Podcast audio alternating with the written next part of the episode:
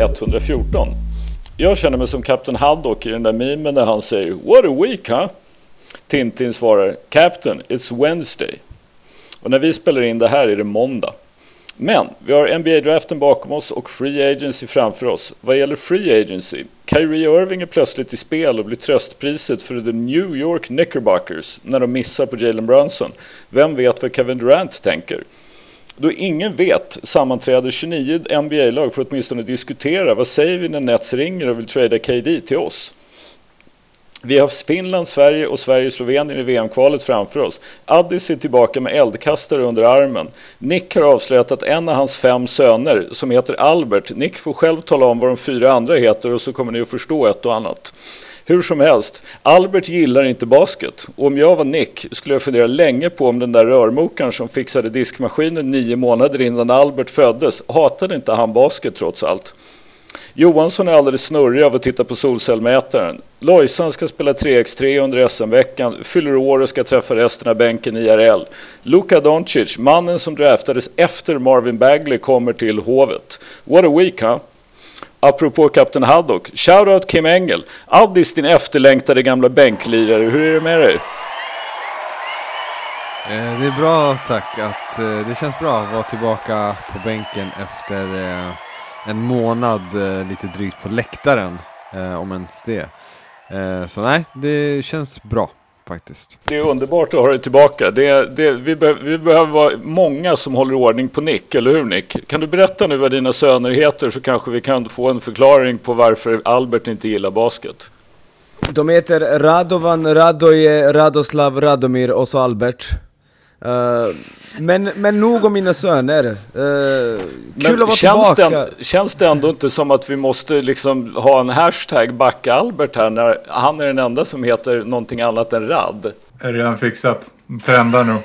Redan. Bara, han behöver uppfostras ordentligt. Men hur som helst, det är kul att vara tillbaka. Alltså, Råttorna dansar när katten är borta, är det så man brukar säga? Det är kul att vara tillbaka. Woof, woof, woof, woof, woof, woof, woof, woof. Jag är redo och uh, ni är fick liksom ett avsnitt. Hund? Du lät mer som en hund än en katt faktiskt. Ni, ni fick ett avsnitt, ni hade det, ro, det roliga, men nu är jag tillbaka för att sätta er på plats allihopa. Jag lyssnade på förra avsnittet, helt okej avsnitt, men det, alltså det är för mycket skitsnack. Jag är här för att rätta till det där, det där skeppet. Jag lyssnade faktiskt också på det avsnittet, eh, sjukt nog skulle jag säga, men eh, jag körde den på 1,8 speed. eh, jag lät liksom... inte som Kapten Haddock utan som Musse Pigg. Ja, exakt, exakt, men det gick, det gick. Okay. Det var bra, bra jobbat av er. Lojsan, hur är det med dig? Jo men det är bra, som du sa, vilken vecka vi har framför oss. Herregud, söndagen är ju fullspäckad. Jag eh, ser fram emot det som eh, tusan. Mutar han sig själv nu? Igen. ja, vad ska jag säga något mer? ja, det är klart du ska säga något mer. Det bara, jag råkade bara trycka på fel knapp. För i helvete skölden. Ja, ja, ja. Ta, ta det lugnt nu Alberts farsa. eh, jo, men det jag tänkte säga var att du spelar ju faktiskt 3x3 på söndagen innan Sverige-Slovenien. Är du säker på att du hinner upp till Hovet? Ja då. De har gjort det så eh, käckt så att finalerna ska vara färdigspelade klockan ett. Så sen är det bara raka vägen upp till Stockholm. Ja, men då så. Då, då är vi lugna. Johansson, hur mycket cash har du dragit in på dina solcellsmätare eller på dina solceller här de här senaste tre, fyra dagarna? Det var en bra månad. att du har ett stort Excel-ark för det. Ja, det har varit en bra månad. Det ska jag inte ljuga. Det, det har varit bra mycket sol. Mycket, mycket, mycket sol. Men eh, ja, det är fint. Ha, har du någon eh, lagringsfunktion i dem där eller? Nej, jag, jag, jag, får ut det i princip i timmar till vintern. Eh, ah, okay. Så att, eh, jag har mm. ingen egen lagringsfunktion utan det gör jag hos min leverantör. Och de får ah, betala mig dyra mm. sen i, i vinter istället. Okej, okay, okej. Okay. Ja, bra grejer. Ja, nej, så det är fint. Nick, det är ju så här att du var ju borta förra veckan och vill absolut inte prata något mer om Golden State Boston. Det du vill prata om nu, det är ju att torsdag den 30 juni så inled, eller är Sverige tillbaka i VM-kvalet igen och möter Finland på bortaplan. Innan det sen då på söndagen är Sverige-Slovenien på Hovet. Vad har du på detta? Okej, okay, vi får börja med att, alltså jag känner att den här veckan, de här två matcherna kommer bli två klassiker. De här två matcherna kommer bli matcher som vi om eh, 20 år kommer prata om och vi kommer säga, ja men minns du för 20 år sedan när Sverige mötte Finland, 14 000 pers i Helsingfors eh, med Markkanen? Uh, eller ja, minns ni när det är en av bästa någonsin, Luka Doncic? Precis på samma sätt som alla nostalgiker pratar om den där matchen mellan Jugoslavien och Sverige i Solnahallen. Det är de här två matcherna. Och det är ju fantastiskt, alltså... Fantastisk möjlighet för svensk basket att uh, växa. Uh, fantastisk möjlighet för svensk basket att eh, göra ett tillsteg framåt och framförallt fantastisk möjlighet för de här unga spelarna. Och Sverige har ett gäng. Och även de allra bästa, så tänker vi på Ludde och Simon Brigande, de är inte gamla. De är 96 och 97, alltså de är i sina bästa år, även de kommer samla på sig mycket erfarenhet. Det är riktigt, riktigt fina möjligheter. Sen, något jag pratat om länge, men vi måste vara ärliga det kommer bli jävligt svårt att ta en seger. För att, eh, tittar vi på Finland exempelvis, vi ser ju att Lauri Markkanen är där, är där båda Murphy-bröderna är där, eh, Alexander Matsen, som han var inte med på, uh, på i, i Globen om jag minns rätt, han är ju också tillbaka. De har ju ett brutalt bra landslag. Och vi saknar ju två startspelare från kvalfönstret i februari i Jonas Repko och Christian Så det kommer bli eh, väldigt svårt att vinna där. Och så har vi Slovenien på hemmaplan och den matchen ja, jag vet inte vad jag ska säga. Det är... Eh, att, att kräva seger mot ett topp 4 landslag i världen... det säger sig själv. Men hur som helst, jag tycker fortfarande att det är en bra möjlighet. Om Kroatien förlorar båda sina matcher så går Sverige vidare ändå, men jag tror att den här putback-dunken i Norrköping kommer att... Det finns stor möjlighet att det kan kosta Sverige det här kvalet. Det är inte klart än. Jag tror på det här laget. Om det finns ett svenskt landslag på här sidan som jag tror har potential att chocka och göra något liksom ingen tror att de kan göra så är det Sverige och framförallt mot Finland då. Får jag bara, uh, bara avbryta en halv sekund? Vi ska gå igenom förutsättningarna. Det är ju alltså så att det är fyra lag i gruppen. Finland, Slovenien, Sverige och Kroatien. Finland inledde med att förlora mot Sverige men har tagit tre raka sedan dess och har alltså 3-1. Slovenien har 2-2. Sverige har 2-2 och Kroatien har 1-3. Hade Sverige slagit Kroatien där, där vi förlorade efter förlängning, då hade vi redan varit klara. Så det, ja, det, den, ja. den, den svider ju lite grann. Men som, som du säger Nick, så lär det ju vara så att vi måste antingen vinna en match eller så måste Kroatien förlora båda. Yes, och då, då är det så att för, för Sverige är det viktigaste det första är matchen borta i Finland och sen kommer man titta, och blir det förlust där så kommer man titta nära på matchen mellan Kroatien och Finland i Kroatien. Där Kroatien kommer vara stor Mario, Mario, Super Mario, Hezonja är med, uh, Ivica Zubac är med, Eh, de har ett bra gäng på plats, Bo Bojan Bogdanovic, och de kommer vara tokfavoriter där. Som sagt, det är mycket som tyder på att den här tippindunken i sista sekunden av andra förlängningen kan visa sig vara avgörande. Men det är inte klart. Uh, men i alla fall, jag, är, jag är glad. Jag är glad att vi kommer uppleva det här. Det, det blir minnen för livet och eh, framförallt bra för svensk basket. Men alltså en, en sak som man, eller känner jag i alla fall, och det här skulle ju kunna vara en hot take, men nu när vi ändå pratar om det så måste man ju säga det att Finland såg alltså absolut inte bra faktiskt. De såg inte bra ut mot Sverige i Globen. Sverige såg helt okej okay ut. Sverige vann med 10.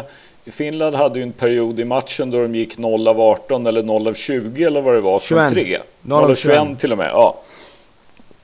Och att sen komma tillbaka och vinna tre raka Varav två av dem vill jag minnas, visst är det så att de slog Slovenien två gånger? Back to back, ja. Precis, de slog Slovenien back to back. Eh, och då förstås Kroatien. Det är ganska imponerande. Det är jävligt imponerande skölden och det... Jag minns den här matchen i Finn i... på... inte på Hovet, i Globen. Det var väldigt många som sa efter matchen ah fy fan vad Finland är dåliga. Du vet, och jag försökte typ förklara för folk att det är Sverige som gjorde dem dåliga. Det, de har en sån insane kontinuitet. Det är det som gör att de kan vinna de här tre matcherna. De har ju sån kontinuitet, de tror på det de gör. Och det är väl det Sverige också vill ha. det är det Sverige också nu försöker bygga upp. Vi försöker ju kopiera Finland på ett sätt. Jag vet att vissa inte gillar när jag säger det här, men på ett sätt så försöker vi bli som dem, och det är ju helt rätt strategi.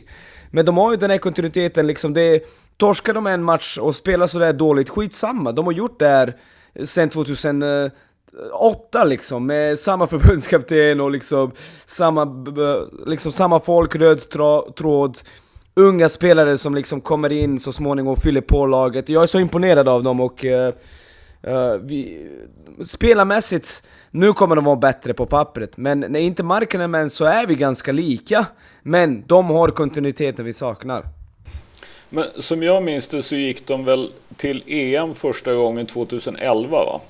Och sen har de ju varit i EM och VM i princip sedan dess. Och dessutom... nej, nej, VM var de bara 2014. Ja, det är riktigt. Men ett VM i alla fall. Yes. Och det är ju då med en spelargrupp där många av dem som var med 2011 förstås är borta idag, men de har fyllt på och som du säger så har de i, i mångt och mycket samma förbundskapten-team och de vet vad samma, de gör. De spelar Wolfpack-basket. Exakt, de spelar ju samma basket. Alltså de är ju... De, eh, och det tycker jag Sverige gör rätt i, att låta de här yngre grabbarna vara med och träna liksom. Okej, okay, så här är det. Vi kommer att ha det här förbundsteamet på plats länge, i många år, det är planen. Vi vill spela basket på det här sättet. Och kommer du in som en 18-19-åring och, och, kan redan lära dig det, det, det är ju fantastiskt liksom.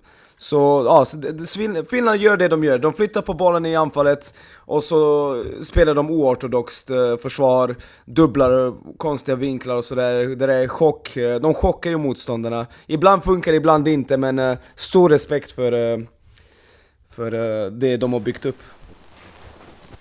Johansson, vad har du?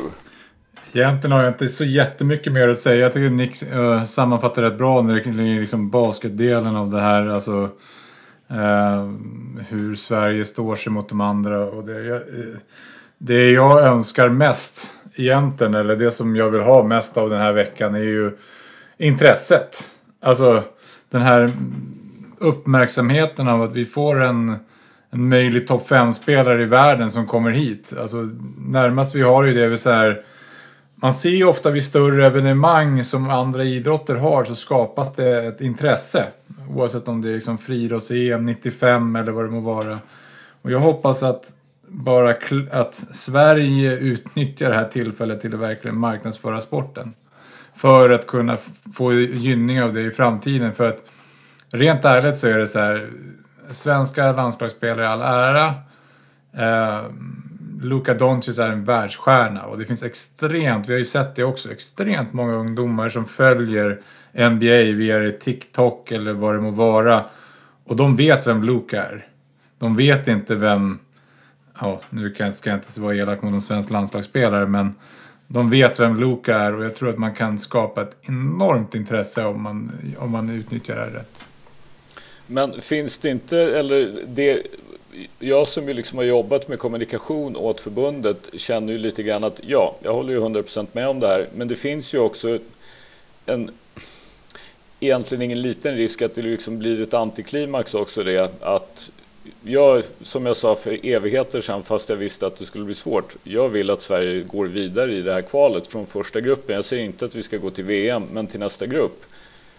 Och man måste väl ändå tro att det är lättare att slå Finland, om än på bortaplan, om än med Lauri Markkanen, än att vi ska slå Slovenien som kom fyra i OS med Luka Doncic.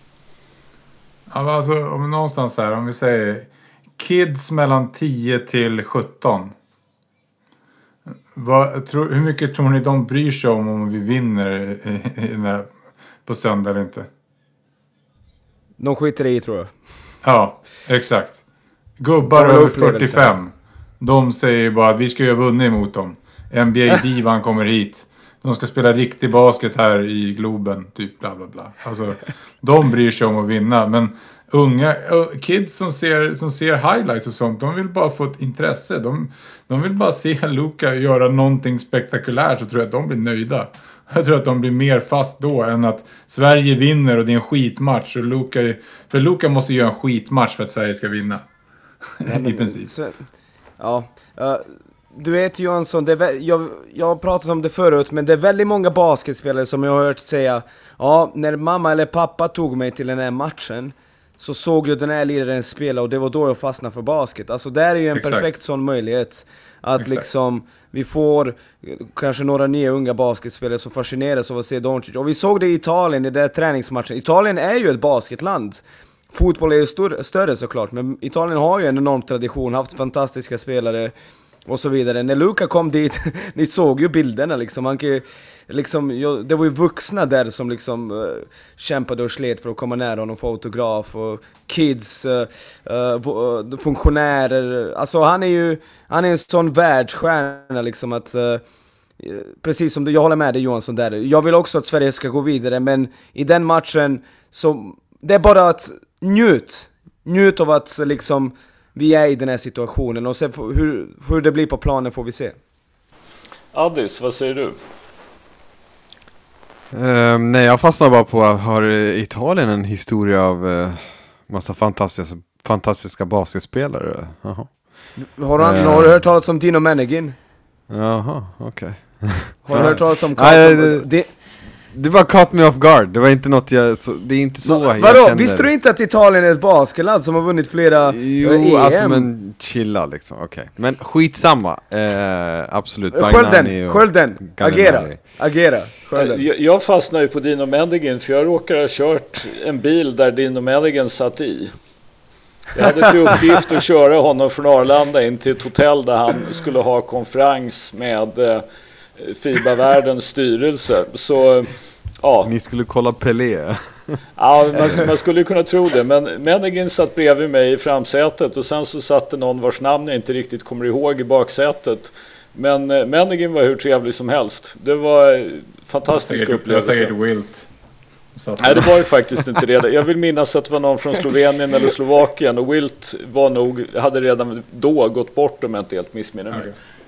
Men avsluta då ja, din tankegång Ja, nej, men, uh, ja absolut. Uh, nej, det ska bli kul med, med två landslagsmatcher. Uh, och jag har inte så jättestora sportsliga förväntningar för, från Sveriges sida. Vi saknar en massa bra spelare. jag tänker på Marcus Eriksson, Jeff om man nu räknar honom, om man nu kan göra det fortfarande. Jerebko, ja, hela den grejen. Så att alltså så här, jag, jag, jag har inga sportsliga förväntningar egentligen, men jag, jag, tycker att det ska bli väldigt kul att se eh, Sverige möta sånt motstånd. Jag sa ju redan från början, eh, när, när folk var så här, ah, vill man att Doncic ska spela eller inte? Jag sa hela tiden, jag vill att Doncic ska, ska spela såklart. Alltså det är ju det, är ju det som är hela grejen med, med det här, att vi får möta de här. Jag skiter väl om vi möter dem nu eller om vi möter dem Ja, vi kom, ja, i ett mästerskap, ja det är klart det är lite mer kul, men det är fortfarande så här. Det är klart vi ska möta Doncic. Sen, eh, sen kommer det ju säkert gå som det går, men det är ju någonting i sig, som det Johansson pratar om, att, apropå intresse och bla bla. Eh, spelar ju jätteviktig roll att få se de här. Jag menar, det är ju inte en slump att Skölden gillar basket när han såg liksom, eh, vad fan var det, Wilt och eh, Precis, Jerry Wilt West och, och grejer. West när han var och Bob Mike, uh, Miken. Mike, han såg ja, Mike. spela. Nej, vet du. Nej, nej Smith. nej Smith. Nej men jag fattar vad jag menar liksom. Sagt. Lojsan, rädda mig undan det här. Vad har du på, på landskamperna? Nej, det finns väl inte så mycket mer att säga egentligen än det som ni redan sagt. Jag tycker det ska bli fruktansvärt kul att kolla eh, landslagsbasket igen och framförallt att eh, se Luka live.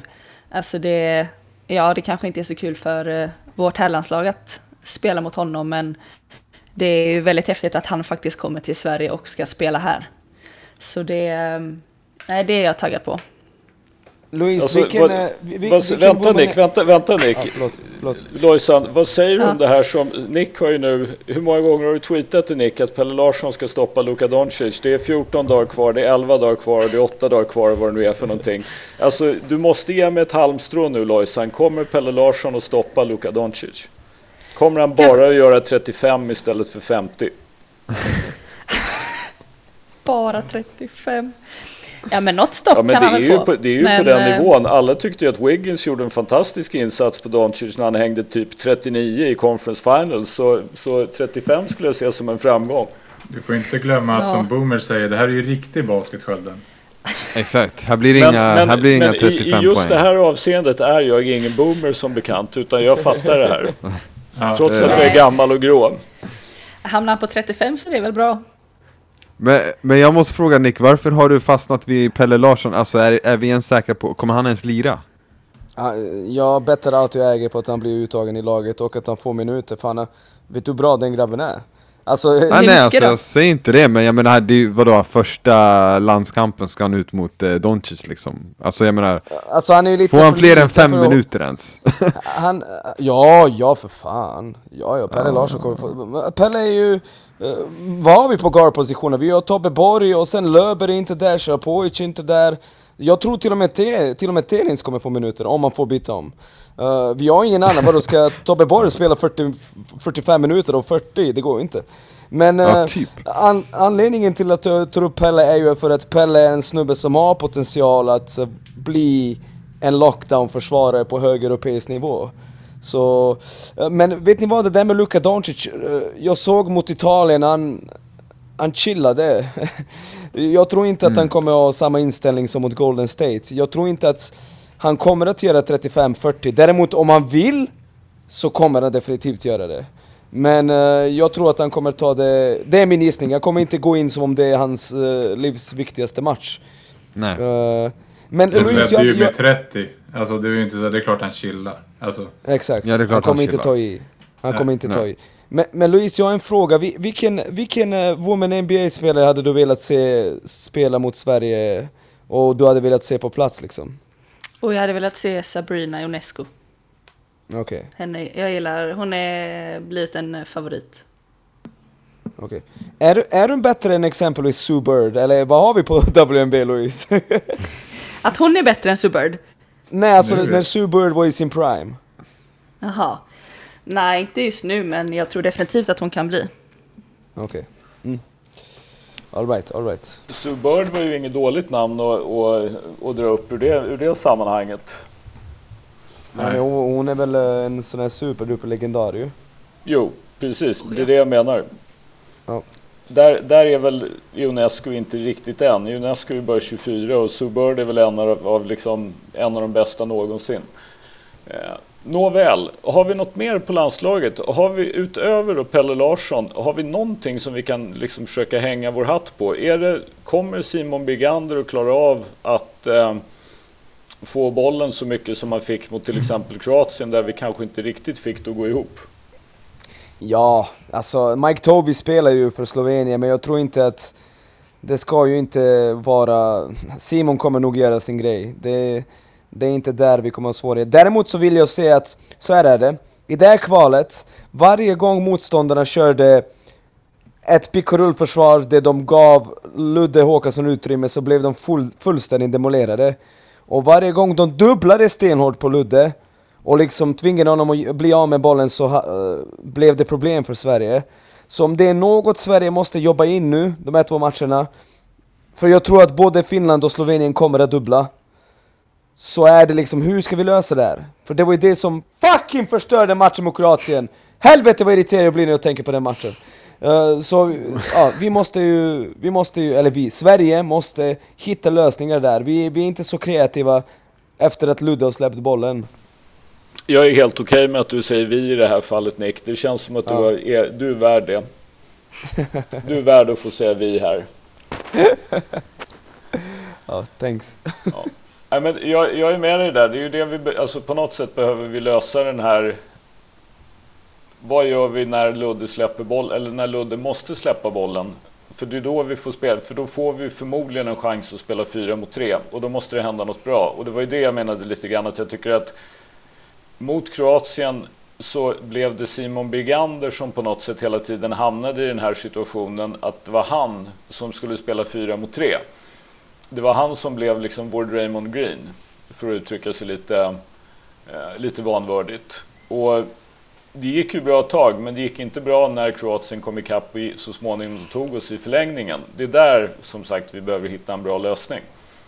Men grejen är att jag litar på Simon i dem, alltså han är ju, han är ju bra där, men han psykar ut sig själv fullständigt genom att missa massa straffkast. Det var ju det som var problemet, och sen tappade han allt självförtroende och då kunde han inte sätta någonting till slut. Det var ju hemskt att se, men han, alltså han, vi har, vi, vi har ju ingen bättre, vi har ju aldrig haft en center som är bättre i de positionerna. Alltså du vet, dubbling, dumpa bollen där. Simon har ju både floaters och han är en helt okej passare egentligen. Men uh, han blev ju helt bortstrykad i den matchen, så ja.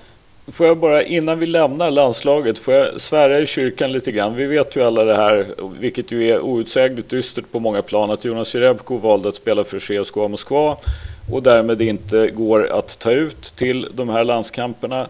Men som han såg ut i kvalet, hur mycket förlorar vi egentligen på att han inte är med?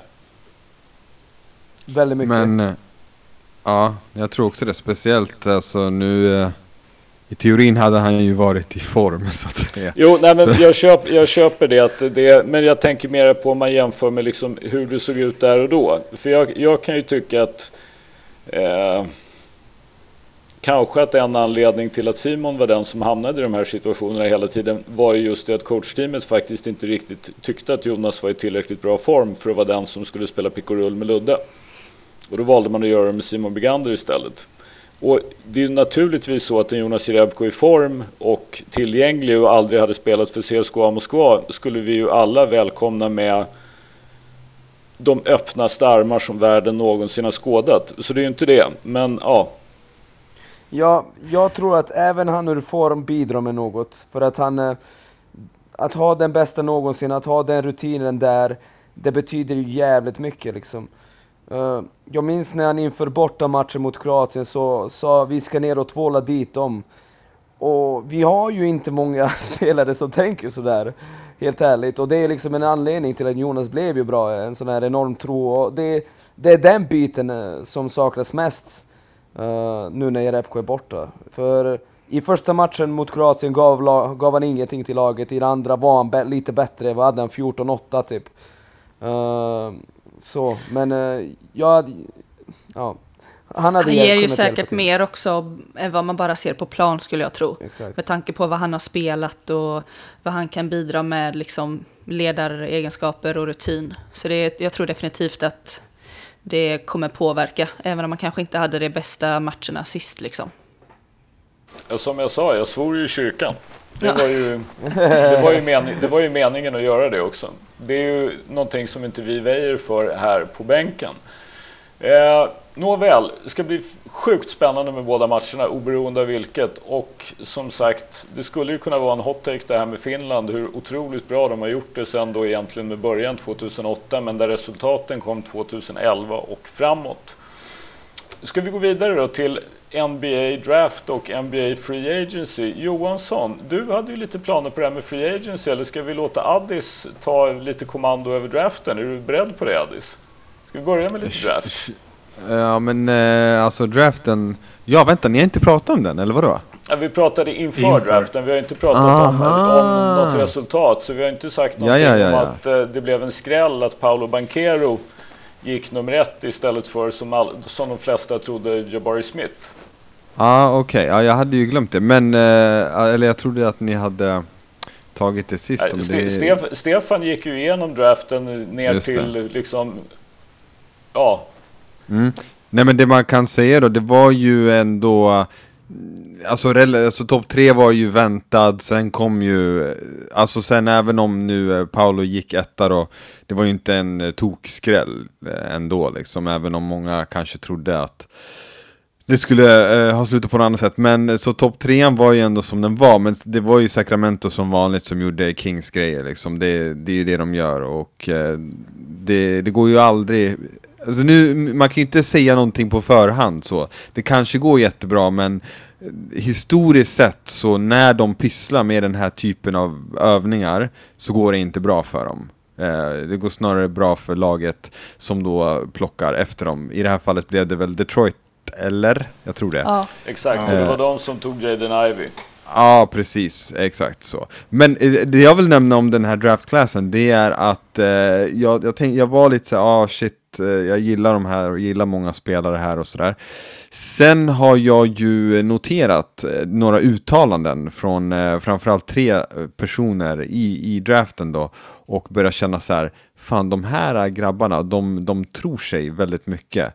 Eh, dels så var det vår vän eh, Holmgren då, Eh, som, som svarade eh, i någon intervju innan draften, han sa väl typ, ja, de frågar vem är bäst i NBA? Eh, har ni sett den här? Och han svarar mm. Eh, jag om två månader. Ah, mm. Okej. Okay. Mm. Liksom, Lugna ner dig. Lugn. Ja, lugn, lugn, lugn. Eh, så. Eh, och sen så var det Paolo, hur säger man hans efternamn? Banquero. Banquero. Banchero, alltså, okay. Stefan tror att det är Banchero, men han är ju förstås har ju något italienskt påbrå och då uttalas CHK. Uff, italienskt också. Ah, ja. Um, ja, han, han sa, eh, pratade efter draften och sa så här, ja men jag, eh, i någon intervju sa han så här, jag är en mismatch mot alla spelare i NBA. Jag bara, eh, okej. Okay. eh, du har ju inte spelat en minut än, eh, så ta det lugnt. Och sen sista killen, det var ju han, det här citatet har ni säkert sett, den här eh, Benedict eh, Maturin. Ja. Eh, det, vad fan snackar han om? Han, han säger att, eh, ja men det är många som säger att LeBron, eh, att han är great liksom, att han är bra. Eh, men jag vill se det. Eh, jag, jag, tror ingen är bättre än mig och han kommer behöva bevisa sig att han är bättre än jag. Alltså, what? Herregud. Det här, är alltså, det här är alltså Pelle Larssons lagkamrat, vill jag bara påpeka. är det det till och med? Okej. Okay, ja. Alltså snubbe, vart gick han i draften ens? Alltså, sexa, ja. sexa tror jag det var va? Sexa, okej. Okay. Mm, Okej, okay, men ta det lugnt liksom. Sitter och Exakt. säger, ja men det, LeBron James. Det, det känns ju lite märkligt att säga att, nej men jag tycker att LeBron James behöver bevisa sig mot mig. Alltså det ja. till och med jag är sjukt. Ja. Exakt, så, så det har jag noterat eh, om den här draftklassen. Annars så tycker jag att det, eh, de, de, det verkar ändå vara en ganska, ganska stark draft ändå. Det är, inte någon, det är många spelare jag tror kommer bli ganska bra. Eh, sen deras eh, val av eh, klädsel var ju också under all kritik så, men ja, det, det är vad det är. Det är det ju nästan alltid, eller på att säga.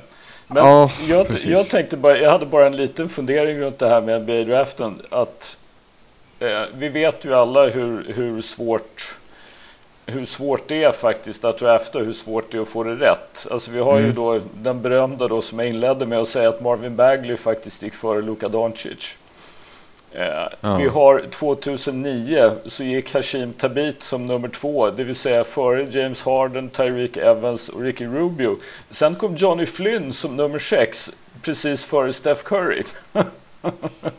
Ja. Vi hade alltså en draft där sex man gick före Steph Curry. Vilket man ja, två point guards också. Ja, precis. Två av dem point guards. Och dessutom så försökte man ju spela Tyreek Evans som point guard också. I st mm. liksom, till stor del faktiskt. I, för all del då Sacramento, who's gonna Kings.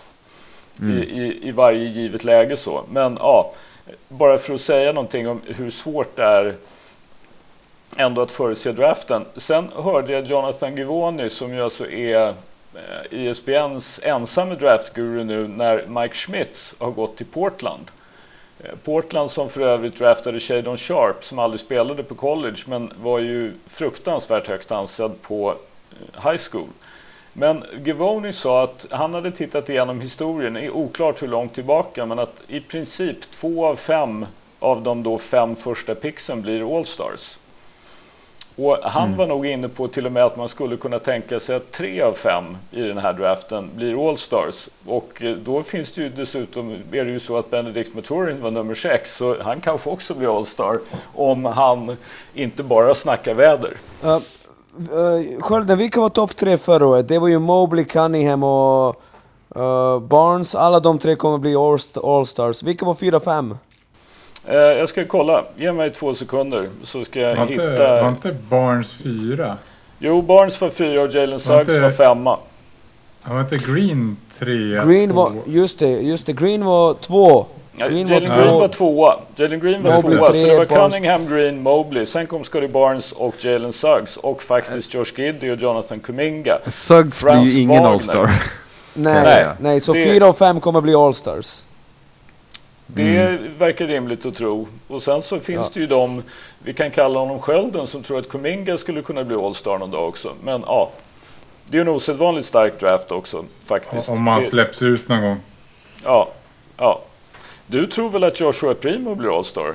Tror du inte det? Ja, ja såklart. såklart. Jag bara tänkte. Jag, jag har för övrigt fått höra att Spurs hade en ganska bra draft.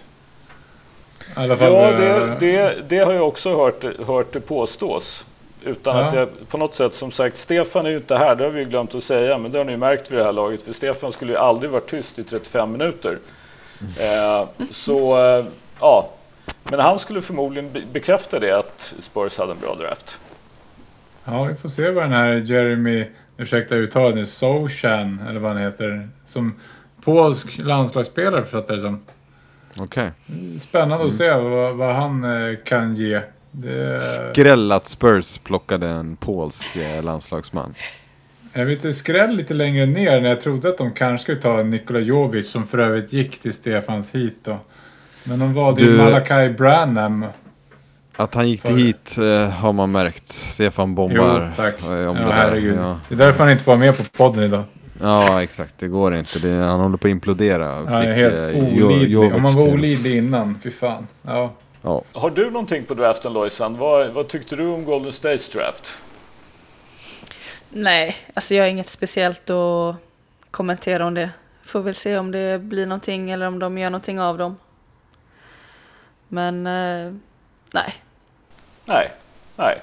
Jag måste erkänna, jag, som sagt, det, det är ju bara att vänta på och se vad som, eh, vad som händer. Jag hinner inte med det här med draft kan man konstatera för att vara förberedd på det. Utan man läser på, och sen lyssnar man på Stefan och sen så är man väldigt spänd i början på säsongen.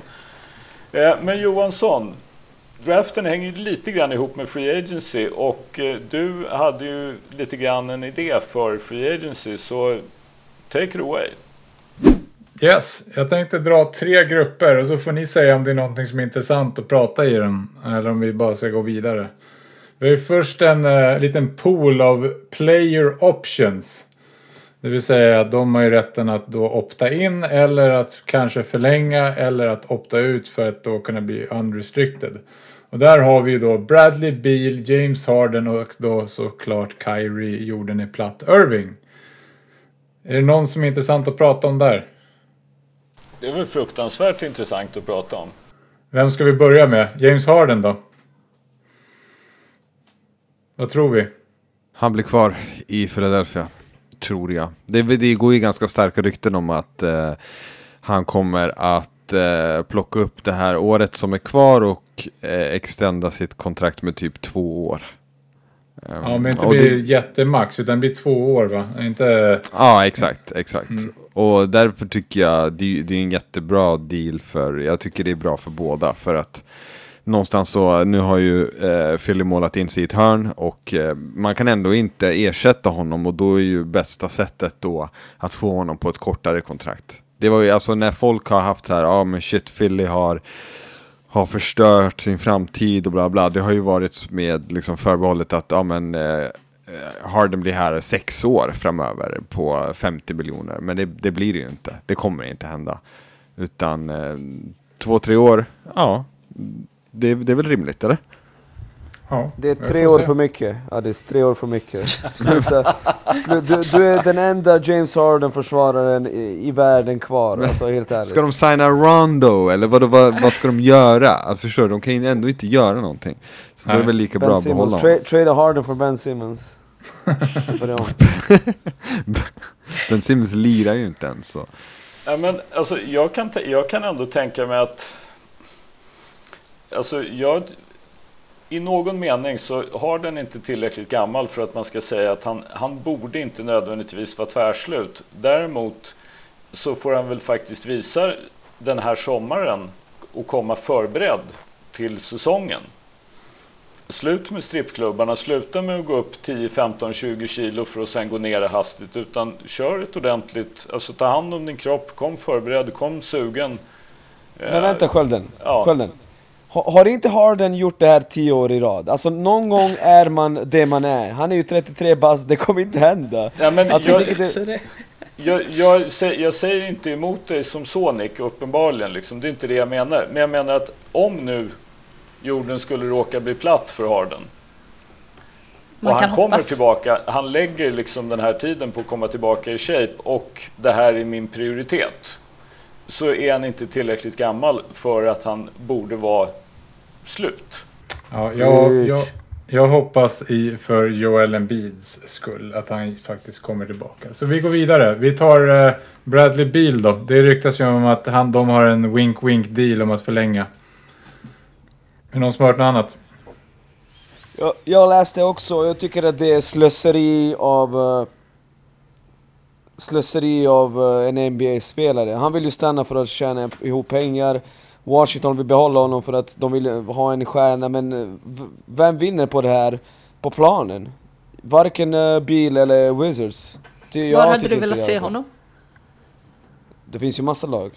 Jo men, uh, om du hade fått välja? Cavaliers. Nej men det är inte oh, realistiskt.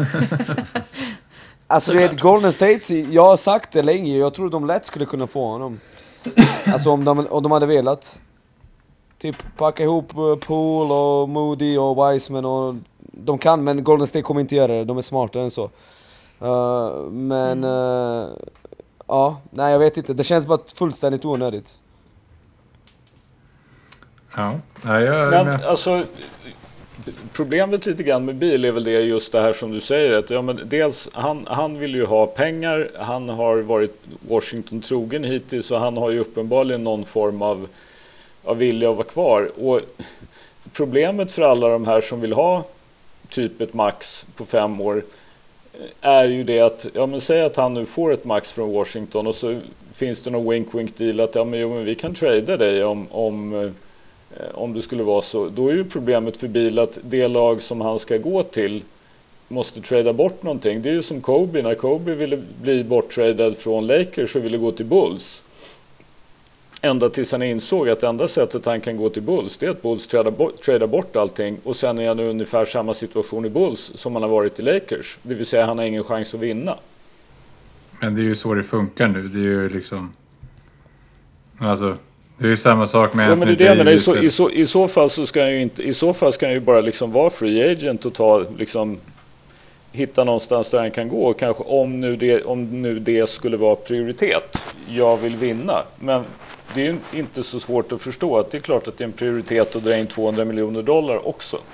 Men finns det realistiskt något, något lag som har cap space där man adderar Bradley Beal och de blir contenders? Alla de bästa är ju typ nej, luxury tax. Nej, nej, nej, nej.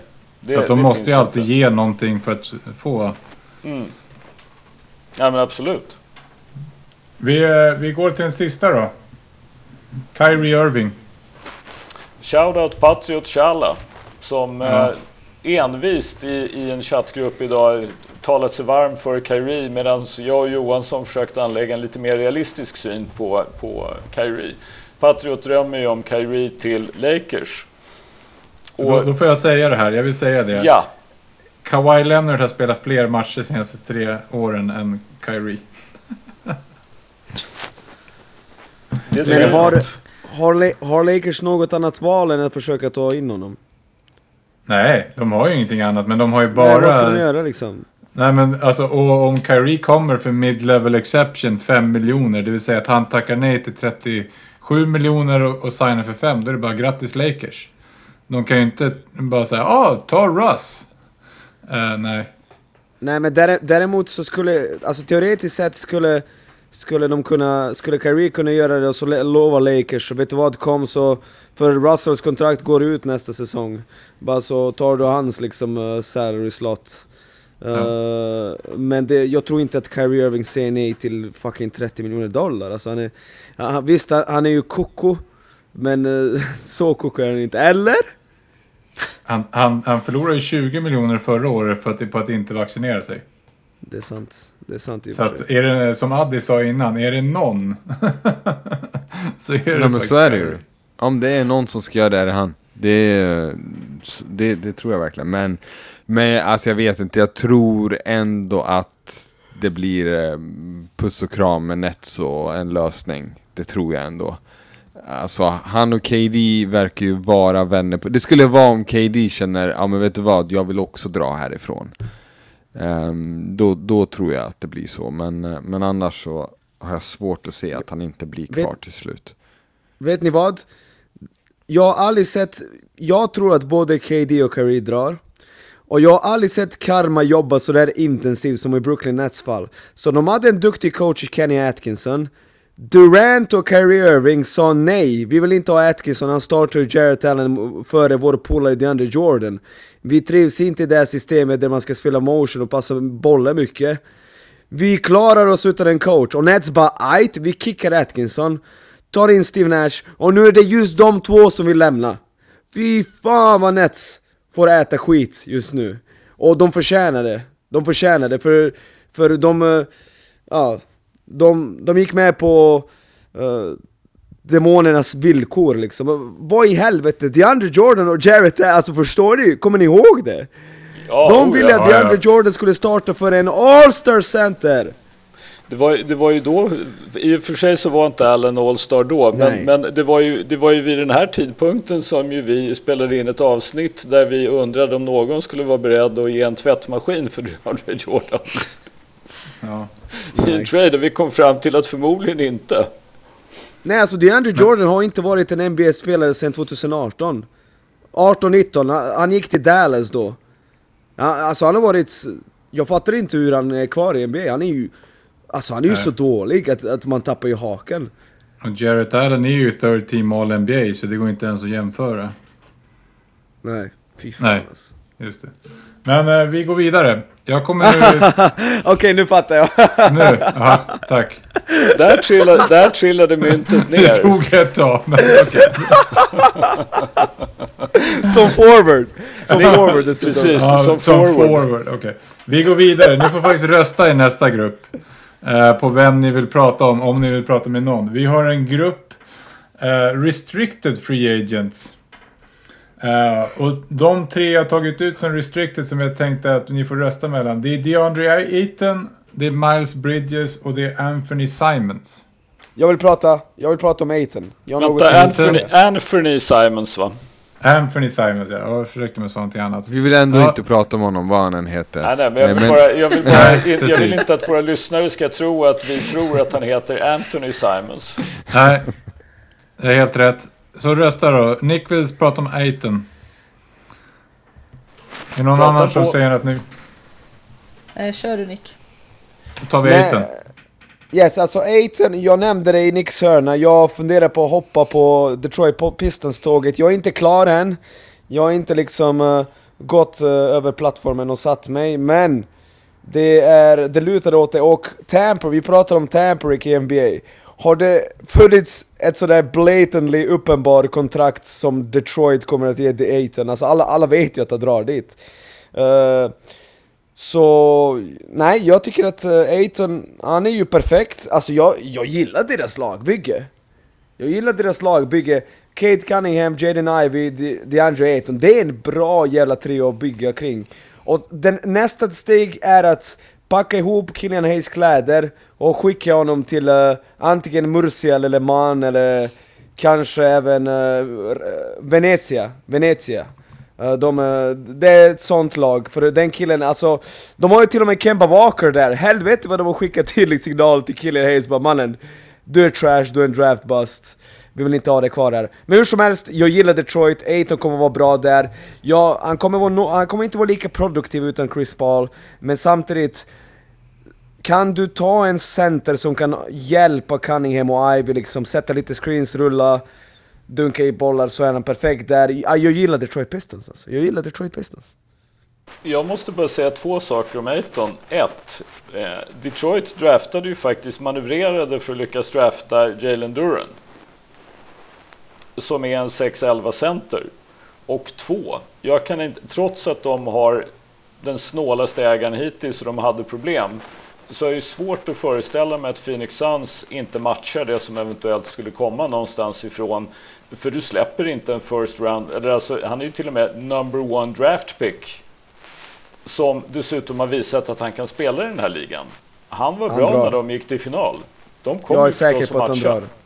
Jag är säker ja, men på att det, han det jag... må vara, men, men det, det jag försöker säga är att Pistons kommer inte att få honom som free agent, utan i så fall får det bli en sign and trade. Fast, vänta, vänta nu. Nu är han restricted free agent, eller hur? Så om han får 150 miljoner Vadå, tror du Phoenix kommer matcha och sen trade honom? Men vad händer då? Jajamän, det är precis det jag tror.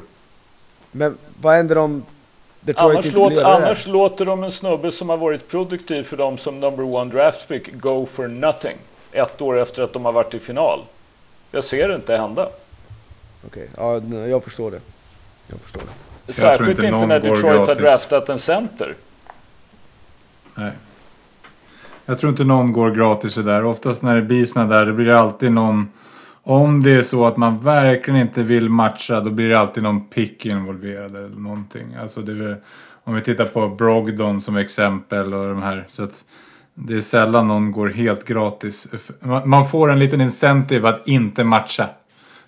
Jag, jag, ser det ju, jag ser det ju mer som att i och med att de draftade en center, Detroit, så tänker de sig nog att gå efter Miles Bridges.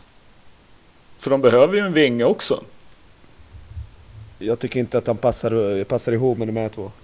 Nej, det, det, det, det må ju så vara, men de behöver en vinge. Och de draftade en center och de Litar har Isaiah. Stewart. Vänta, är det du säger att du inte litar på Sadiq Bey och George Jackson? Jag litar inte på Eh. Josh Jackson i alla fall, det kan vi konstatera. Men eh, har Addis eller Lojsa någonting att säga om vår kära DeAndre Ayton? Nej, inget att Nej. tillägga. Då får ni rösta i nästa pool. Ni får bestämma vem vi ska prata om. Det är tre stycken unrestricted free agents. Och då är det Zach Lavine, det är, ska vi se så jag säger rätt, Jalen Brunson och ska vi ta som den tredje unrestricted då? Det är väl en Mitchell Robinson tar vi bara för att. Nej, nej, nej, nej. Vi tar Kyle Anderson. Slow-mo baby! Alltså svaga namn, men vadå? Jag vill prata Brunson. Ja, kör Ja, Brunson då. Ja, eh, men eh, Brunson som eh, har försatt eh, alla som liksom vill Luka väl och sådär i en tuff situation för att det som kommer hända nu då är att antingen kommer eh, Dallas då få överbetala eh, något enormt skulle jag säga för att behålla honom eller så kommer han dra till Knicks eh, vilket det måste sägas vara favorit på. Jag tror, alltså, jag, alltså han kanske bara kommer dra oberoende av vad eh, Mavs ger för att Knicks kommer ge i princip lika mycket och hans farsa eh, liksom assisterande, visst är det ass, assisterande coach han är? Ja, och sen så är det ju dessutom så att Knicks general manager Leon Rose, hans son Sam Rose är eh, Brunsons agent och Leon Rose var Brunsons agent innan han blev GM för Knicks. Mm, mm.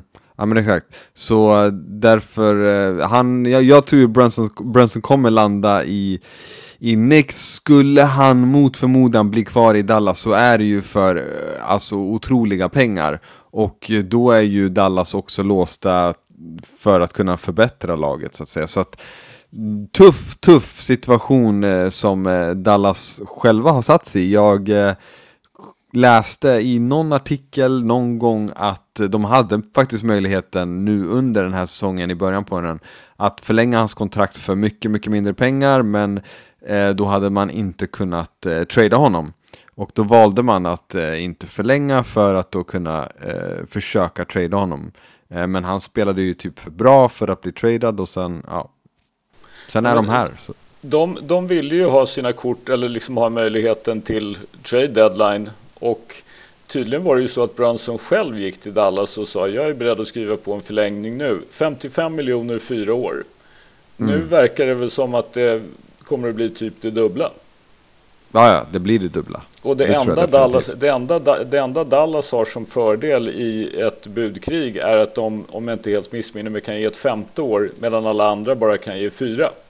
Ja, exakt. Det är skillnaden. Men eh, det känns ju som att det är mycket som väger över till att han ska välja Nix ändå. Och jag menar vadå, hur sugna är Dallas på att ge honom fem år, 125 miljoner eller någonting? Det är ju inte... Ja, men jag, jag, jag säger inte emot, jag bara konstaterar Nej. att...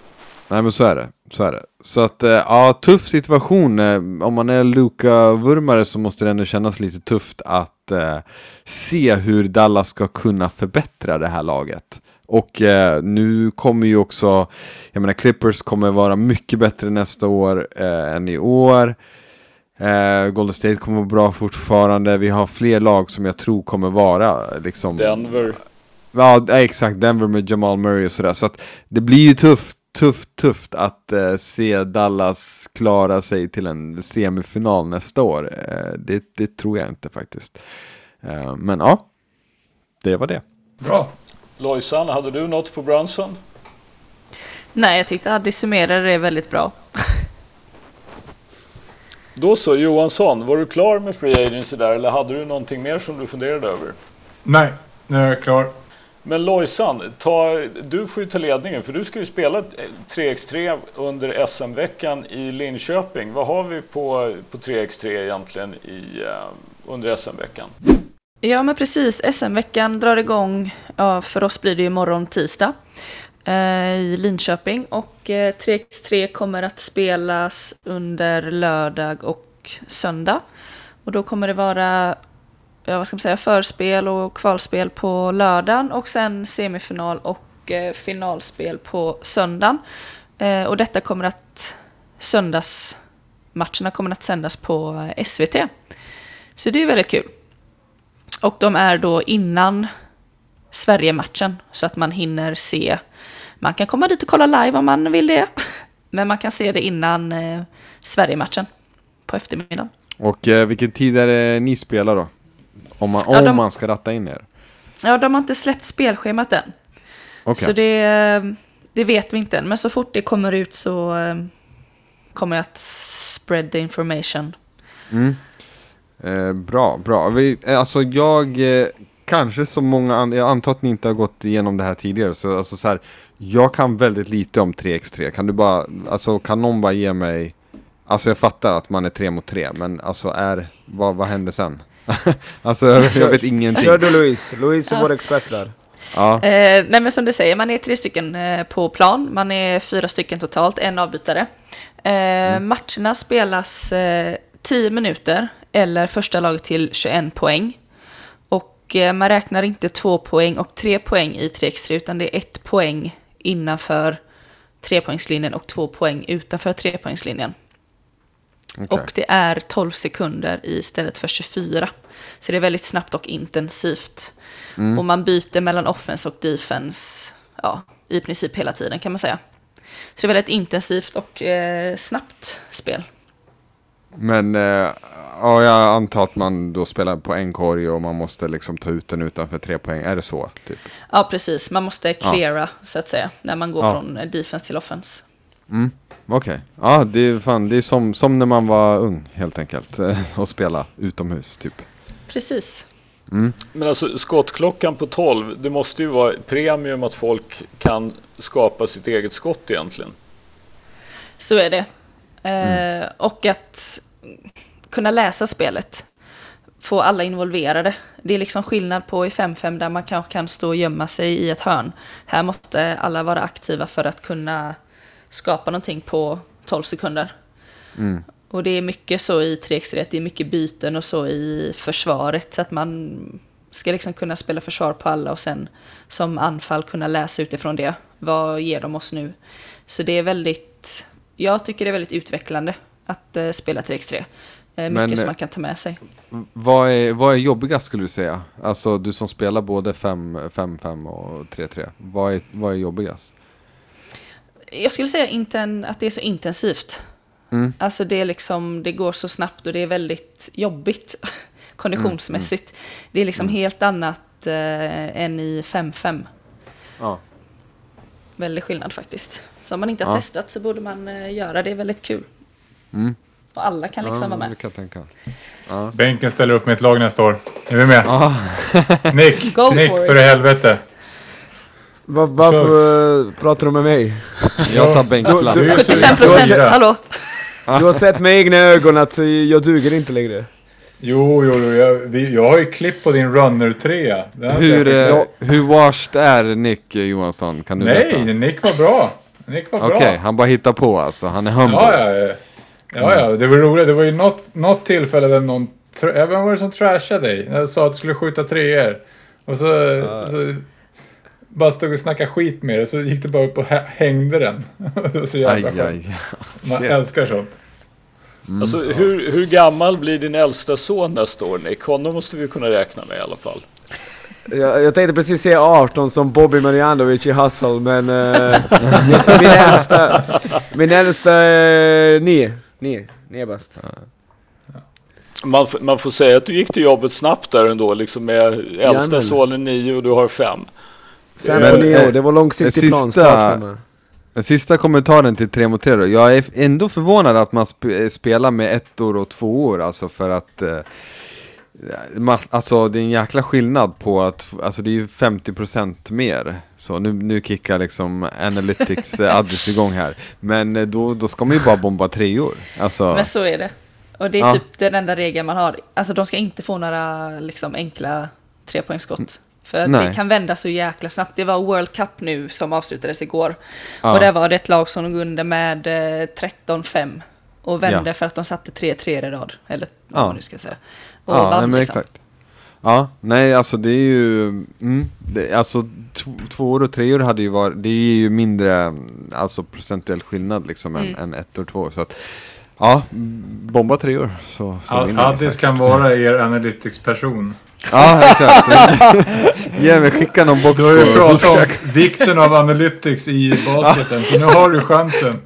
Fan, det är kanske där jag ska bli expert, Bara, Nick. Ja, Nick har ju tagit in. över vanlig ja. liksom 5 mot 5 basket. Så. Skriv en bok, bli känd. Vi gör en film på den sen.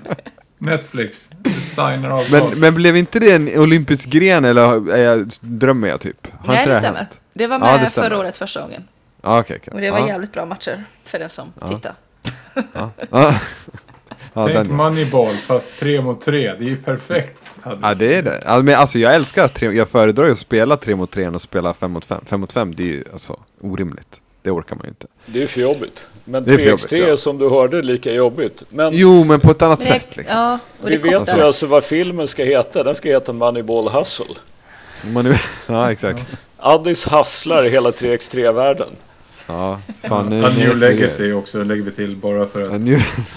fan Space Jam, jag måste kolla på den ikväll. Fan vad fet den är. Uh, jag såg uh, White Man Can't Jump igår faktiskt. Bara sådär. Oh. Har du sett Rise då? Nej, jag kollade White Va? Man Can't Jump istället. Nej. Jag vart bara sugen. Men jag ska Någon göra det. Någon annan som har sett den? Nej. Den kan vi ju tipsa om i alla fall. Ja, om, den är jättebra.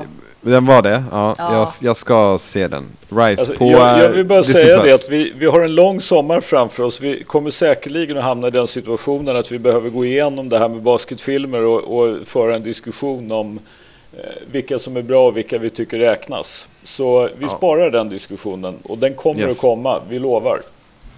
Yes, yes. Eh, är vi nöjda med det då? För då är vi i så fall framme vid hot takes. Och trots att vi har väntat en månad på Addis så måste vi vänta lite till. För Nick, det är ju traditionellt din uppgift att dra igång skogsbranden. Vad har du, vad har du åt oss idag?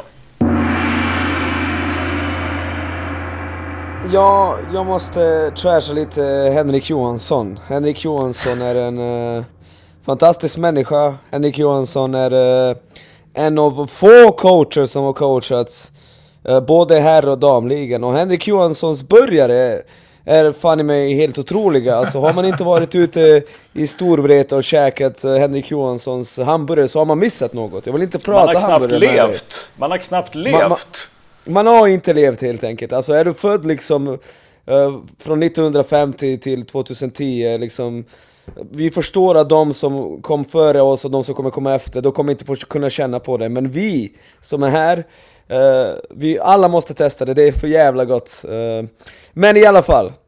Jag tweetade en sak igår om att Luka Doncic, uh, jag tyckte att det såg ut som att han återigen såg stor ut.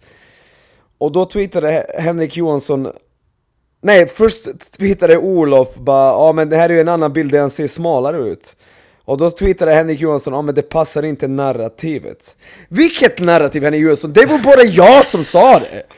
Det är bara jag i hela världen som hade tweetat det där. Vilket, menar du narrativet att han är ur form eh, under grundserien? För han är ju det! Det där är ju inte ett narrativ, det är ju bara fakta. Det är samma som om jag och Skölden liksom... Jag skulle komma fram till Skölden och säga Skölden, vilken vacker dag idag. Och Skölden bara Ja men jag håller inte med dig, det är ju ditt narrativ. Det är ni som håller på. Men vadå, jag sa ju bara det var fint väder. Alltså narrativ som ord i basketen har börjat Alltså det missbrukas ju för fan! Narrativ, narrativ, jag har fått höra det ordet så jävla många gånger de senaste åren. Va, vad är ens narrativ? Kan någon förklara för mig? Och snälla, alla ni där ute i spetsen med Johansson, allt är inte narrativ, ibland har man en åsikt själv. Så du behövde någonting att gå igång på efter Golden State har vunnit? det är fantastiskt. Av allt jag tweetat mot dig så var det det där Jag säger någonting dumt till dig nästan varje dag. Men det där. Där gick gränsen. Det var det som tog det. Nick drar gränsen i sanden. Jag drar, gränsen i narrativsnacket. Narrativ. Jag hånar honom när han ska hoppa på Detroit-tåget. För att han är på Cleveland och Minnesota. Men narrativ hoppar han på. Nej, förlåt. förlåt. Men det är alltså sjukt. Jag, jag, jag noterade också att du, du var verkligen den enda på planeten som, som gick med den vinkeln. Det var ju ändå otroligt. Ja. Det är inte ett narrativ. Ja men om vi har byggt upp flera säsonger av att han är otränad, eller blir otränad under off-season och du går ut och säger så här Kolla, nu händer det igen. Och så alla bara, nej nej nej, men kolla här, kolla här, kolla här, kolla här, kolla här. Då passar det ju inte narrativet som alltid har varit att Luka Doncic blir otränad under off-season. Eller fast, har jag fel Skölden? Skölden, rätta mig nu. Ja, men du, du har ju inte nödvändigtvis fel, men, men det är ju onekligen så att Nick har ju faktiskt rätt om, han kan ju säga att det är vackert väder när det är sju grader och drivis och regn. Jo, och han kan liksom... säga att Jared Allen är en forward i third all NBA team också. och inte, inte bara kan han, utan han har också gjort det. Ja, så, så det, är det, det är det jag menar, att liksom, det är klart ja. att han kan, men det är ju då, då måste man ju erkänna att det är ju ett narrativ. Nej, men, äh, Vädret är, är inte vackert när det är sju grader och det snöar liksom längs horisonten snarare än, än vertikalt. Så, men alltså, men jag... jag måste erkänna att jag tycker att jag skulle ju nog säga att han ser helt okej okay ut, men alltså jag vet ju fortfarande inte om jag tycker att han ser deffad ut. Att man ska säga att Ligon MF Notice som en och annan jag sett twittra. Men, alltså ja, det var ju en bild med sjukt bra ljus. Alltså, ja, jag tycker det där är så jävla cringe. Eh, jag kan, jag kan köpa att någon ser att han inte har gått upp, men att han är helt plötsligt jättedeffad och... Nej, nej det är han verkligen inte. Det kommer, men, ni kommer få se det live snart. Men, men å andra sidan, det är väl ett framsteg om man inte har gått upp mer än ett par kilo liksom sen säsongen tog slut jämfört med hur det verkligen. brukar vara. Verkligen. Men jag uppskattar att du startar narrativet om min goda matlagning. Ja, det, det är också fakta, det är inte ett narrativ. Det är, alltså de här burgarna... Och så, och så hade du en stash med clean drink. Fy fan vad gott det var alltså. Förresten, när är det reunion? Det är ju för fan sommar. Ja, vi får ta det. Jag är tyvärr borta i helgen, men vi får ta det i juli ja, vi, någon gång. Ja, vi tar Ni är välkomna. Alla yes. är välkomna. Jag gillar Alla. att grilla. Alla lyssnar också. ja, om de, om de hittar ut i Storvreta. Men, det, är bara, det, är eh, bara, att följa signalerna från både solcellen och röksignalerna från grillen. Så hittar ni inte dit så då, då förtjänar ni inte att få vara med och smaka Johanssons burgare. Så är det, det med det. Det låter eh, för övrigt som att eh, Johansson, att du har en, du är ändå i den åldern att du har en foodtruck-dröm, stämmer det eller? Ja, det vore inte helt fel, det vore inte. Det, ja, jag säger det. Det kanske är 50-årskrisen. Exakt, foodtruck.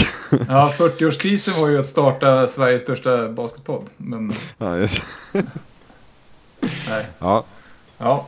Alright, jag, jag tror faktiskt att nu får det vara nog med det suspens. Vi har väntat i över en månad. Addis, du har en hot take som vi vet att Nick, liksom, ja, jag vet inte vad han kommer att göra faktiskt. Det är tveksamt om han klarar av att sitta still medan han hör dig framföra den. Så kör. Ja. Alltså det, nu, det, det som är lite jobbigt för mig då är att så här, jag har ju burit på den här i 40 dagar nu också så att den är ju inte lika Jag brinner ju inte lika mycket för den så Men jag kommer dra den då Men är, det inte, är inte du som en grill sådär liksom Det tar lång tid att få till den rätta glöden innan man faktiskt ska börja grilla Det är ju liksom jävligt orutinerat att börja grilla 20 minuter innan glöden är optimal, eller hur Johansson? ja, Exakt. Okej, okay, så att den är, den är marinerad och allt möjligt nu Exakt. Eh, eh, jag fattar. Ja, nej men eh, det var ju det här med, eh, det här alltså, det hände ju i, i, någonstans i maj då att eh, Södertälje eh, presenterade då, eller först kom ryktena och sen presenterade de då Elin och Frida Eldebrink och eh, Louise Halvarsson, det var väl samtidigt de presenterade allihop, alla tre tror jag. Um, och eh, då, då noterade jag, jag, eh, jag såg ju vad folk skrev och det var liksom nu, nu kommer guldet hem och det var, det var det ena och det andra. Så. Och eh, jag kände bara direkt så här, ah, alltså återkomster, nej, det är inte någonting jag tror på. Så. Och eh, därför så tror jag inte heller på, på det här projektet.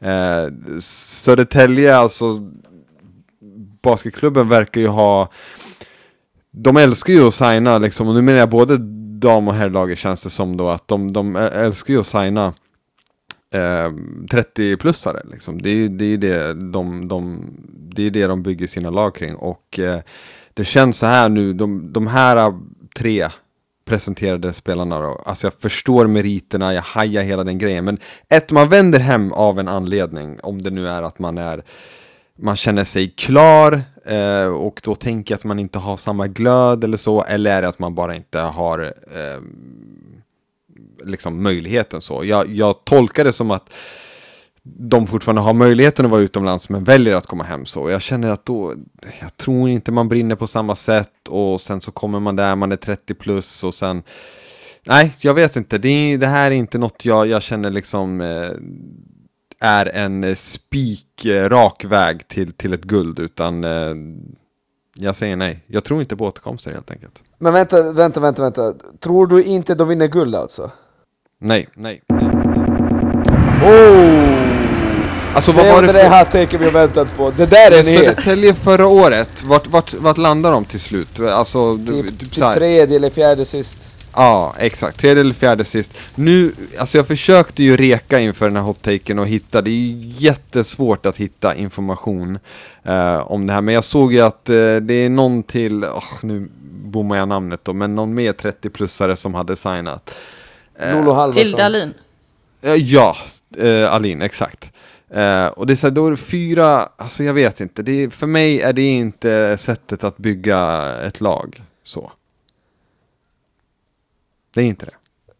Man, man sätter alldeles för många, nej men det är alltså, helt ärligt. Eh, Okej, okay, vad, vad, säger du då Nick? Du säger att det, det här är 100% eh, guld.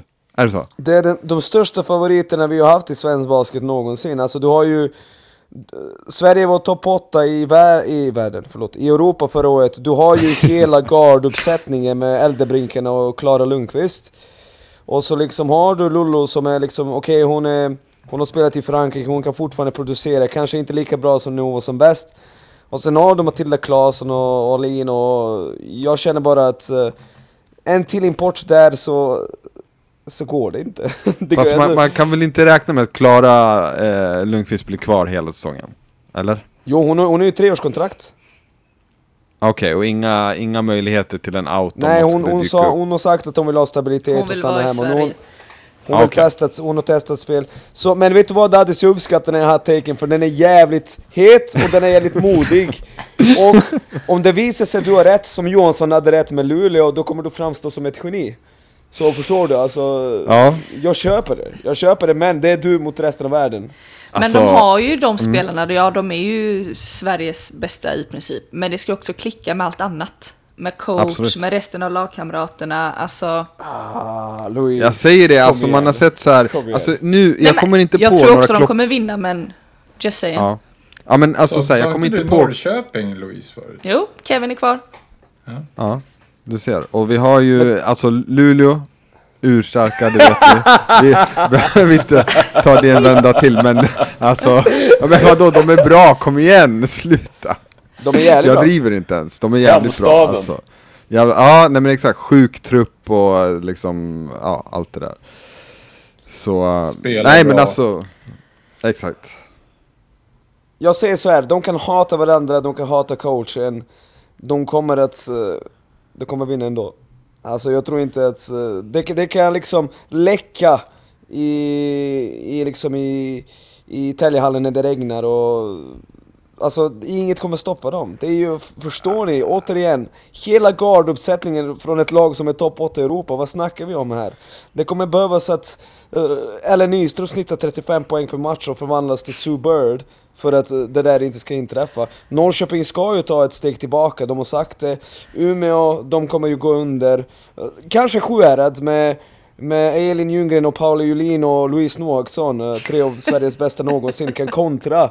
Men eh, det blir tufft alltså, det blir tufft. Är det klart Louise?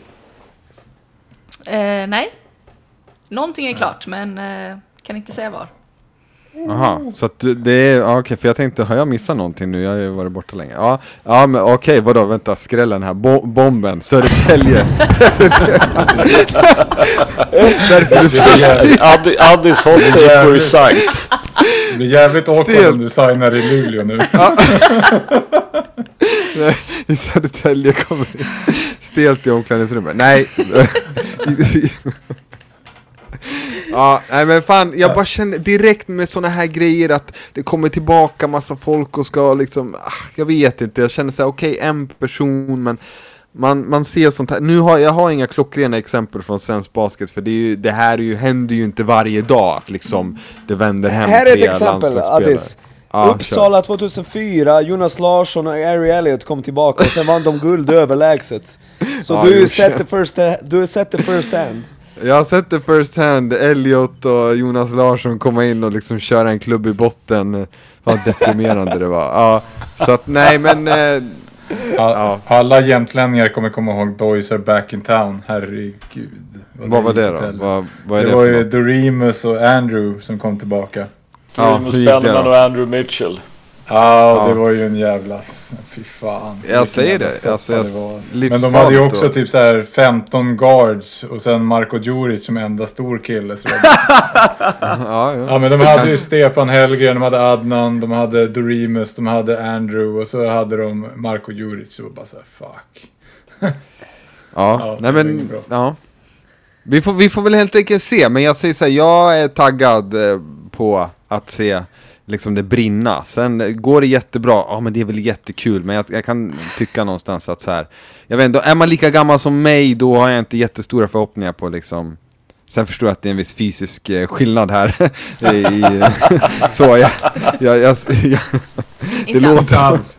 Inte alls. nej, nej, nej, men jag är i bra form faktiskt. Men ja, absolut, jag köper det. Men eh, ja, Ja, men ut, utmärkt. Bra, bra brinn hur som helst. Nick, Nick kommer att ha mycket att diskutera om det här när, när säsongen väl går igång.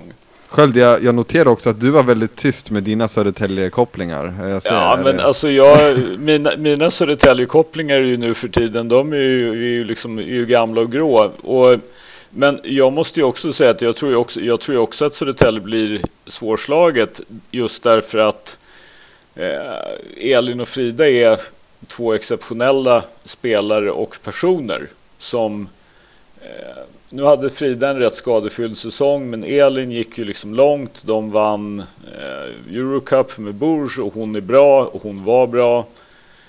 Och, men sen ska man ju också ha klart för sig det att ja, som sagt allting ska funka och vi får väl se om Södertälje, vad Södertälje har lust att lägga pengar på i övrigt i truppen. Vi vet ju det att det kan dyka upp någon skada här eller där i ett strategiskt dåligt läge. Och, ja, eh, Men det jag framförallt tycker är väl det här lite grann, nu är ju inte Frida och Elin Luka på det sättet, men Frida och Elin är ju båda två liksom några av de absolut viktigaste spelarna i svensk baskethistoria.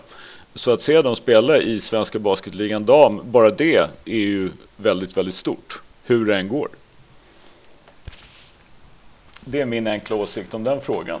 Har vi någon mer hottake? Jag orkar inte med någon, någon finsk hottake för den har vi i princip redan klarat av. Men som sagt, eh, är det någon annan som har brinn?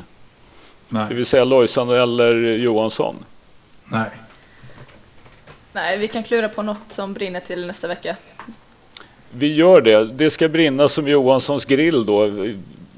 Nästa vecka är det tänkt och det väl, risken finns för att det gör det för då har vi ju haft ännu en vecka med bland annat Finland-Sverige och Sverige-Slovenien och Free Agency i NBA har dragit igång. Eh, tack för idag. Vi hörs snart igen. Ciao! Ciao!